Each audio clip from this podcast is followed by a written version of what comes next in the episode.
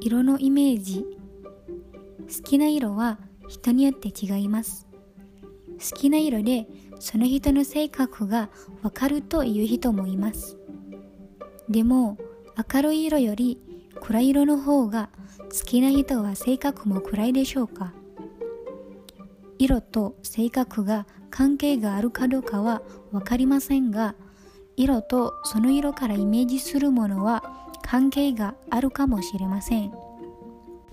青と赤と黄色の中でどれが一番危険をイメージしますか？大体どこの国でも赤から危険を連想するのではないでしょうか？赤のイメージはもちろん危険だけではありません。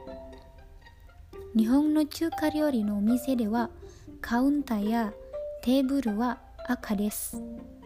もしそれが青だったらきっと食欲がなくなるでしょう。でも青には別のイメージがあります。夏の暑い日は喉が渇きます。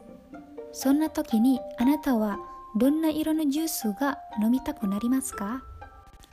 日本で赤と青と黄色のジュースを用意して道を取る人に実験してみました。黄色のジュースも人気がありましたが青ホルではありませんでした。赤は一番人気がありませんでした。きっと青を見ると涼しく感じるのではないでしょうか。別の実験では同じ形で同じ大きさの箱を2つ持ってもらってどちらの箱が重いか尋ねました。一つは白でもう一つは黒でした。ほとんどの人が黒い箱の方が重いと答えました。でも本当は2つの箱は同じ重さでした。